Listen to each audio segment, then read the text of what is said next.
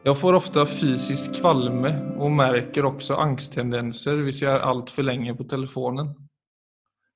Dette var en melding vi fikk av en uh, lyttere, som uh, også sporret i gang litt dette avsnittet. Ja, altså jeg, for meg høres det rett og slett ut som en stressreaksjon. Som uh, jeg jo vet er veldig, veldig vanlig i dag. Det er mange som har det på samme måte. Og jeg tror altså Når jeg sier en stressreaksjon, så er jo det et, et enkelt svar. Så, men hvis vi skal gå litt inn i det, så er det jo faktisk ganske kompleks og mye å finne ut av. Mm. det første jeg tenker på når jeg hører en sånn setning, det er jo at uh, altså i dag så lever vi i stor grad i en digital verden. Og mottar selvfølgelig veldig mye digital informasjon. Mm. Men så har vi en hjerne som jo er vår informasjonsprosessor, som har mottatt uh, informasjon fra organiske omgivelser i egentlig millioner av år. Så hjernen er jo et evolusjonsprodukt. Og, og alle de si, programvaren som vi har i hjernen, den har jo utviklet seg over tid innenfor uh, visse typer omgivelser. Og de omgivelsene vi lever i i dag, de er jo egentlig bare 15 år gamle. Så hvis du ser på det med det blikket, så vil du se at det er jo klart at det er et sjokk for hjernen eh, hvordan vi holder på i dag. Så bare det å bli klar over det, tror jeg kan være ganske både viktig og nyttig sånn for, for oss alle, faktisk. Ja. Men det er jo et eh, Eller det ja, man opplever, og som sikkert mange andre opplever også, er at man har havnet i en form for overbruk av disse mediene. Altså det har presenterats en gang i tiden, og så har vi tatt det imot. Og egentlig bare slengt oss over det. Kanskje også til en stor grad uten å reflektere helt over hvordan det påvirker oss tror det er veldig, veldig viktig det du sier der, akkurat det med å reflektere. For uh, husk på det at For det er ikke teknologiens altså jeg mener, altså det det at vi kan oppleve en sånn ubalanse i oss selv pga. det digitale, det, altså det beror jo ikke nødvendigvis på teknologien, men det er jo mer hvordan vi forholder oss til den. Teknologien er helt nøytral. Hvis du spør om eh, er dette bra eller dårlig, så vil ikke teknologien gi deg noe svar. Det svaret må du finne i deg selv. Og hvordan, eh, som du sier, hvordan bruker du det. Mm. Husk på det at eh, selv om ikke det er noe gærent med teknologien, så er det veldig mye av, uh, av disse appene f.eks. er jo laget for avhengighet. De er laget for å stimulere belønningssystemene i hjernen vår på veldig, veldig finurlige måter. Ja. Så enten du, enten du vil eller ikke, enten du er klar over det eller ikke, så kan jeg nesten garantere deg, har du en smarttelefon, så er du avhengig. Så derfor så får du Du vil få masse signaler fra hjernen, og kroppen din da selvfølgelig, på bruk. Men det er ikke signaler som nødvendigvis er intelligente. Så hvis du går på autopilot og følger alle de signalene du får fra, fra hjernen din i dag, så vil du overforbruke. Du vil gå over grensen til hva som egentlig er sunt for deg. For du får så mye mm. impulser som egentlig bare vil ha det vil, som vil bli stimulert, nettopp for det vi allerede er avhengig. Så er der refleksjonen kommer inn som det korrektivet som vi er nødt til å bruke for å få dette i balanse. Ja, det er jo egentlig veldig sant. Det. Altså, jeg, eller når jeg, altså, når man, bare når man sitter på Netflix, så er det Jeg husker når det startet, da var det sånn der når du hadde sett et avsnitt, da var du på en måte tvungen å trykke deg videre for å se neste. Men i dag er det sånn at det går Jeg vet ikke hvor få sekunder det er, men det er liksom minimale minimal tid innan neste avsnitt går på. Så du må jo liksom hele tiden ta et bevisst valg for å, for å liksom slutte se. Og det gjelder jo egentlig Twitter og Instagram og det også. Der er det jo sånn det er endless scroll. Så du kan jo på en måte fortsette i en evighet. Så det er hele tiden sånn så fort du på en måte introduseres for alt dette, så må du være Eller man må jo ha en viss disiplin for å komme seg ur det, rett og slett. Ja, det, det, er også det. den ovissheten vid, altså vid Instagram. Da du legger opp en bild, og så er det jo på en måte uvisst hvor mange likes du kommer få. det er jo det er også noe som er veldig sånn triggende. Det er jo som å sitte på kasino, mer eller mindre. Du vet liksom du vet aldri hva du kommer få. Nei, og Det er noe av det som gjør at vi blir uh, avhengig kjappest. Det er nettopp det elementet av uforutsigbarhet. Ja, for det er helt altså, så er det jo, Hvis jeg ser på mitt eget liv, så er det alt som er uforutsigbart, er jo spennende. Ja, det er akkurat det. Og husk på det, Philip, også hjernen vår, altså egentlig impulskontrollen vår, er jo forankret i uh, frontal cortex, eller da det som kalles frontallappene på norsk. Som, de er jo ferdigutviklet hos menn når vi er uh, rundt 25, og hos, uh, hos, kvinner litt tidligere. Men du kan tenke deg da tenåringer, da. Altså det å, å ha impulskontroll på så sterke impulser, det, det, er klart at det kommer ikke naturlig. Så dette er jo egentlig et samfunnsansvar, og ting som burde vært uh, Egentlig så er det en form for muskulatur som vi burde begynne å trene på skolen. Ja, men det er jo fascinerende at det er lagt opp for feller i samfunnet, liksom. Ja, men husk på det. Dette er jo også drivkraft, veldig sterke, kanskje den primære drivkraften i vårt økonomiske system. For vi har, vi har et økonomisk system som baserer seg på selvfølgelig forbruk og kontinuerlig vekst. Mm. Som også er uh, litt skremmende å tenke på. Så, så, hvis ikke det er kontinuerlig vekst, så kollapser systemet vårt. Så det er klart det er veldig veldig sterke kommersielle krefter som, uh, som er inne her. Som også er veldig vanskelig selvfølgelig å regulere, for det er uh, ja, Der hvor det er mye penger, er det mye makt. Ja, jeg var, altså, her om dagen jeg var på og, og satt på et kafé, så, uh, så jobbet jeg med podden litt, og så tog jag, eller så tog jag en paus som man ju gör ibland. Och då, satt, och då stirrade jag egentligen bara mitt ut i luften. Alltså gjorde ja, mer eller mindre ingenting. Og eh, etter hvert så møtte jeg bare en blikk litt sånn ved siden av meg. Og det var, det var, det var nesten som han hvisket til meg sånn Går det bra med deg? Och jag blev, det kändes nästan som jag blev tatt på fersken. Men eh, alltså det, det, det jag fort skjønte var jo bare at jeg liksom, det var, det var precis som om det var noe rart ved det at jeg ikke gjorde noe. Eller det var, den, det var ikke nødvendigvis så at hans, han hadde den intensjonen som jeg opplevde med.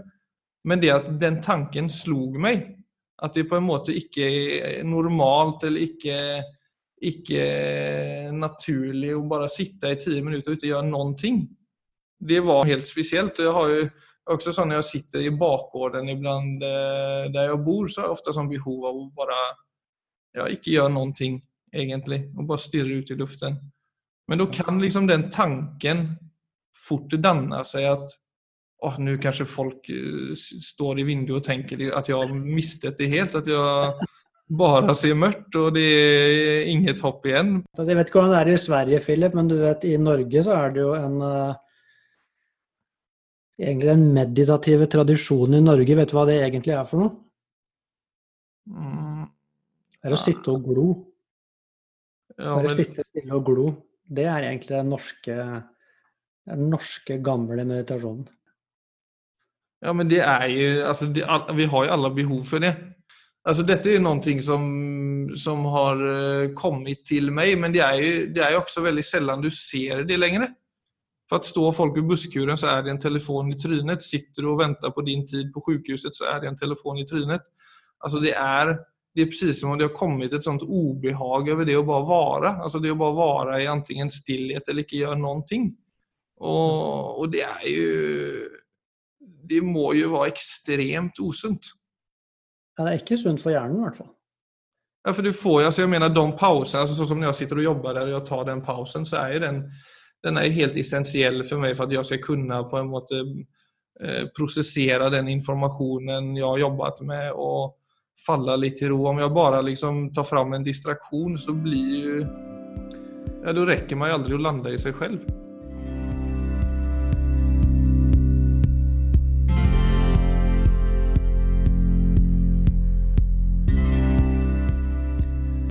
Så ifølge hjerneforskningen Vet du hvor ofte sånn ideelt sett at hjernen trenger en pause for å fungere optimalt? Jeg husker at vi har snakket om det, men nå er det ikke til stede. Hvert 25. minutt. Og da snakker jeg om uh, altså frontal cortex. Men det er jo stort sett den delen av hjernen vi bruker i dag. Men frontal cortex, bare for å klargjøre det, da snakker du om den fremre delen av hjernen? Ja, pannelappen. altså Vi skal bare ta det på sånn folkelig språk. Ja, Og det er på en måte forbundet med eh... Altså Det er forbundet med dømmekraft. Som da handler om å kunne binde informasjon sammen. Så evnen til å se altså kompleksiteten i en situasjon. Binde forskjellige informasjonstråder sammen og få et overblikk. På grunnlag av det se helheten og mm. ta gode valg. Ja. Eh, ja. Så egentlig den type kapasitet som vi trenger for å håndtere oss i en kompleks verden. Mm. Og også den delen av hjernen som nesten alle mennesker i dag bruker på jobb. For vi, jobben vår handler jo stort sett om å prosessere informasjon. Ja. Så, og det er frontal cortex trenger pauser veldig ofte for å fungere optimalt. Og, og hvis, du, tror, hvis, du, sjekker ut gjennom en dag hvor ofte du gir hjernen din en pause, så tror jeg de fleste vil se at oi, det er ikke ofte. Men hva, altså, Når vi snakker om pauser, hva er en naturlig pause for hjernen? da? Det er et veldig godt spørsmål. For det er det er egentlig en pause uten kompleks informasjonsprosessering. Det vi ofte bruker uh, som pauser i dag, det er jo ofte å være på mobiltelefonen eller på en skjerm. Gå på kommer litt an på hvor gammel du er, kanskje, men altså sånn, det eh, kan være nettaviser, det kan være sosiale medier, det kan være Men ofte så er det noe som skjer på en skjerm. Som jo gir en følelse av å slappe av, men det er ikke en pause for hjernen. Det er masse inntrykk som også skal bearbeides. Mm. Så egentlig, hvis du skal ha det helt enkelt, en god pause for hjernen, det er å skifte fra å være eh, egentlig fortellende, at du er oppi hodet, til å komme inn i sansene dine. Så det er bare skifte til å bli klar over sansene dine. Da gir du hjernen en pause med en gang. Så I meditasjon for eksempel, så er det jo det man benytter seg av ved å bli oppmerksom på pusten.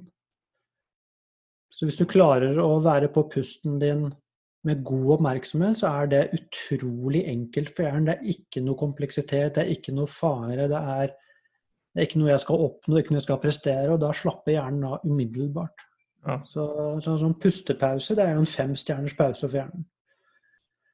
Så vi trenger egentlig i dag å få en balanse mellom å være på og være av. Det er veldig lett i dag å være på hele tiden, og det tåler ikke hjernen over tid, rett og slett. Hva tykker du om åpne kontorslandskap, da? Altså, det viser jo Det trenger jeg ikke mene noe personlig om, for det, hver gang det blir forska på, så ser jeg at det er ikke så bra for oss. Så det vet vi jo alle sammen. Det er bare det at det, det sparer jo Det er veldig kostnadsbesparende sånn i i hvert fall i den ene enden av regnskapet. da. Hvis du ser hvor mye det koster eh, sånn i uh, slitasje, så skulle det ikke forundre meg om det ikke er lønnsomt engang. Men at det er slitsomt for uh, oppmerksomheten vår og hjernen vår, det er uh, uten tvil. Ja, og du sa i starten at det er lurt å ta en pause for 25 minutt. Og da Altså, jeg har jo fulltidsjobb og lever i småbarnsfamilieliv, og ting skjer med Eller altså livet skjer hele tiden. Og for at jeg skal skape pauser, så trenger jeg på en måte både en god dialog med noen som er rundt meg, men også veldig god planlegging. Og så fort jeg egentlig hører pause 25, eller altså var 25 minutt, så blir jeg, ja, der er jeg borte, nesten. Ja. Skjønner du hva jeg mener? Altså det, ja.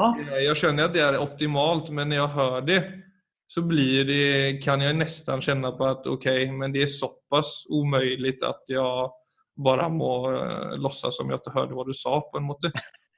vet du hva?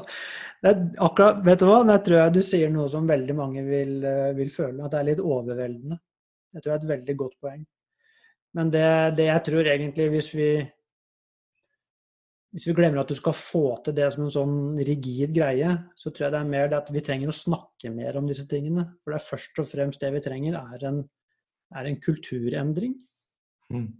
Som, og den vil nok komme sakte, men sikkert gjennom at vi også tar inn over oss altså all den informasjonen som vi har fått via hjerneforskningen de siste 15 åra f.eks. Vi vet jo veldig mye mer om hvordan hjernen fungerer i dag enn vi gjorde for bare 15 år siden. Og det vil jo ta tid før de tingene kommer inn i kulturen. Men jeg tror det må begynne med at vi, vi må orke å snakke om det. For jo mer vi snakker om det, at dette blir altså en viten som vi alle har, så vil vi bare helt automatisk begynne å gjøre ting litt annerledes. Ja, og, ikke, og, ikke, ta alt på en og samme gang. Man kan jo også isolere det til ha den snakken på jobbet, ha den snakken med familien. Altså at det blir som du sier, en større klarhet i hva som er sunt for hjernen. Absolutt. Og det, å, det, som vi tenker på som normalt i dag, å være på hele tiden, det er jo også noe som ligger i kulturen vår. Vi tenker ikke på at det er, at det er uh, sykdomsfremkallende. Vi tenker ikke på at det er veldig usunt for hjernen vår. Altså hadde vi, hvis vi hadde visst hvordan dette er, så ville vi ikke gjort det. Så kulturendringen vil komme med at kunnskapen slår rot i oss kollektivt.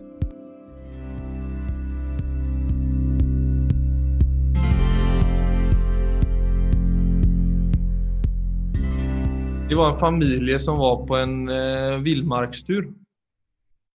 Og de var, hadde bestemt seg for å ikke ha med telefoner. Og det var sikkert et sunt valg av de foreldrene å ta om man ville spendere litt, få litt tid med hverandre. Men det som hendte, var at barnen den første dagen klarte egentlig ikke av å sette pris på det de gjorde. For at de opplevde så mye oro over det faktumet å ikke ha telefonen. Altså det å, både det å bare ikke ha den, men det å også bruke den samtidig som du er i en aktivitet. Altså ta bilder eller snapchatte eller dele det du gjør, på en måte. Og så kom andre dagen, og da hadde det blitt enda verre. Det var absolutt ingenting som gav dem noe som helst. Men den tredje dagen så endret det seg tydligen helt. Det var et lite skifte. Og alle de opplevelsene som de hadde framfor seg, de kunne de ta inn helt fint. Og da var det akkurat som om all den støyen som hadde vært i forgrunnen de første dagene av den enorme telefonbruken som de hadde, den hadde tatt et steg åt siden. Det sier jo ganske mye om eller egentlig ganske mye om det vi har snakket om i dag. Hvor, kraftig påvirket vi er av høy skjermforbruk. Da. Veldig. Vet du hva jeg syns er mest interessant med det du fortalte nå? Nei. Det er at det bare tok tre dager før det snudde. Det er egentlig veldig positivt, da. Ja, det er jo faktisk ikke helt osant. det, er ikke, det er ikke overraskende, syns jeg, at, eh, at, det første som treffer deg, bare er et enormt ubehag. Rett og slett fordi at du får ikke det du er vant til. Ja. Men at de allerede opplevde det på dag tre, at det ble kvalitet over nærværet, det syns jeg var uh... Overraskende bra? Ja, egentlig. Altså var veldig oppmuntrende. Selv om det selvfølgelig er utrolig interessant. altså den, Det er jo det jeg alltid snakker om når jeg underviser i meditasjon. For at De fleste kommer jo på et meditasjonskurs fordi de ønsker indre ro, og de forventer å komme inn i denne gode tilstanden av nesten sånn indre fløyel. Jo. Mens for de aller fleste så treffer de jo en vegg av uro Det er det første de møter. Og de fleste er jo redd for at de da gjør noe galt, og at ikke de får det til. Mm. Men det må du forvente. altså Når du sitter ned og ikke er vant til å gjøre noe som er så enkelt, så vil egentlig uroen som allerede ligger i nervesystemet, mm. som bare er det faktum at vi er litt overstimulert, det er det første som dukker opp. Og som man må klare å sitte igjennom før det kan komme da altså ro. Kvalitativ ro. Så det er, det, jeg tror også For deres del så er det sikkert sånn også at du opplever kanskje de første dagene som altså ekstremt urolige. Og bare det å falle litt til ro, eller bare det å liksom sette pris på den lille fågelen som faller, kommer framfor deg den tredje dagen Bare det at du klarer av å sette pris på noe, kan jo også skape den store kontrasten i at du du faktisk bare blir glad, eller du bare liksom kjenner på at ok, det at jeg klarer å sette pris på noe, er en, en stor greie. Definitivt. Men det er, eh, altså hvis du tenker på, hvis du kan snakke om mindfulness et øyeblikk, så vil jo jeg si at én måte å nærme seg hele den tematikken på, det er å begynne å legge merke til om du er behovssensitiv eller livssensitiv. Og mindfulness handler jo om å bli livssensitiv. Altså du blir sensitiv overfor selve livet. Og det handler om det du snakker om. Du legger merke til disse små skiftene. Du blir berørt av, eh, av å se bare gress som eh, vaier i vinden, og en fugl som synger, og blå i himmelen. Altså det gjør faktisk noe med deg. Og så lenge vi er hele tiden i en sånn kjapp behovstilfredsstillelse, så blir vi mer numne. Vi mister mye av livssensitiviteten vår. Og det gjør oss faktisk ulykkelige. Det er det som er så, og det tror jeg alle kan undersøke i sin egen erfaring. Ikke, ikke tro på det jeg sier, men virkelig bare undersøk det enkle faktum. Så tror jeg du vil se ganske fort at det er jammen sant. Så det er så lett for oss å glemme at det å være menneske Altså, vi er, vi er laget på en måte fra naturens side. Og når vi går imot det, altså de naturprinsippene, så er det vi som lider under det. Så det å begynne å se hva er det faktisk som gir meg virkelig god kvalitet på livet mitt altså det, er på en måte, det er så enkelt og så vanskelig, da. men altså det å begynne å undersøke det, det er det, det du snakker om, som det peker i den retning. Ja, men det å undersøke det må jo altså det, der er jo det der er jo egentlig ikke en ekstrem sak å gjøre, å legge bort telefonene for en uh, villmarkstur. Men sånn har det jo blitt. Altså, vi har jo Det er jo ekstremt. Det er jo ekstremt å legge bort telefonene på den måten. Vi, vi overlever jo ikke lenger enn uh, noen minutter. Men det er virkelig sant. At det, og det er virkelig også noe å reflektere over. At det, har, det er blitt ekstremt. Å legge bort telefonen Altså bare forestill deg å legge den bort en dag. Så vil det jo for mange det vil være helt utenkelig. Så, men jeg tenker det kunne jo være en sånn uh, veldig god Akkurat som noen i dag. Det er veldig mange i dag som driver med cold showers og isbading og sånne ting. Og du kan legge på én ting, ting, ting, til, og det er digital detox. Ikke begynne å utfordre deg selv litt på skjermtid. Tror det, være, det går litt i samme det går litt i samme retning. Altså begynne å trene motstandskraften din. Mm. For det, nettopp fordi vi er avhengige, så impulsene våre går i gal retning. Så begynne å sette litt grenser for oss. Eller si, eksperimentere med det må enhver finne ut av selv. Men altså, for er, du kan jo sjekke på, på, mobilen din hvor mye skjermtid du har hatt hver døgn. Mm. Og f.eks. ta en uke hvor du halverer det, og bare se hvordan det er. Så kan jo det om ikke annet bare være et interessant eksperiment. Elon Musk, han, eh, Tesla-grunnleggeren, han sa jo det veldig tydelig at vi er cyborgs i dag. At det er du, du, og dine maskiner er såpass mye i dialog og så stor del av tiden. Og det er også det at den, altså det som er, det, er deg nærmest i livet, er jo også det som påvirker deg psykologisk aller mest. Ja. Så det er, jo en, det er jo en poeng der at vi har jo gått inn i en helt annen tid. Absolutt. Og husk Vi er på det første stadiet av å være cyborgs. Så det er jo... Men igjen da, så tenker jeg Altså det er jo sannsynligvis uunngåelig. Men igjen så er det det å klare å reflektere mens vi lever, sånn at For det er klart det er mulig at teknologien kan bli en støtte til det gode liv. Ja, det er jo masse fint med det. Det er jo helt selvklart. Men det er ikke sånn det er i dag i mange tilfeller. Nei, men det, man, altså, det her er jo et samtale som alle, eller veldig mange mennesker har. Alltså vi ser ju, vi ser ju den negativa effekten av det. Då. Och det är ju väldigt viktigt att man, att man bevisstgjør det og at man forsøker å være konstruktiv i en sånn prosess. Det er lett å forstå det, det er lett å snakke om det, og så er det vanskelig å gjøre noe med det. Så nå kan jeg benytte anledningen til å utfordre alle lytterne våre til å fra i dag og en uke fram i tid gå på en digital detox. Og så kan dere jo sende oss noen kommentarer på Facebook-siden vår hvordan det har eh, vært. Og hva du eventuelt har fått av innsikter. Nei, det, det er jeg med på. Lysna til Viggo, folkens. Ja, men jeg skal gjøre det samme selv, Filip. Da kan vi gå, gå som uh, forbilder, så kan vi se litt hvordan det har vært for oss også. Det gjør vi. Og for alle som ikke vet det, så heter vi Mindfulness med Viggo og Filip på Facebook. Hørs neste uke.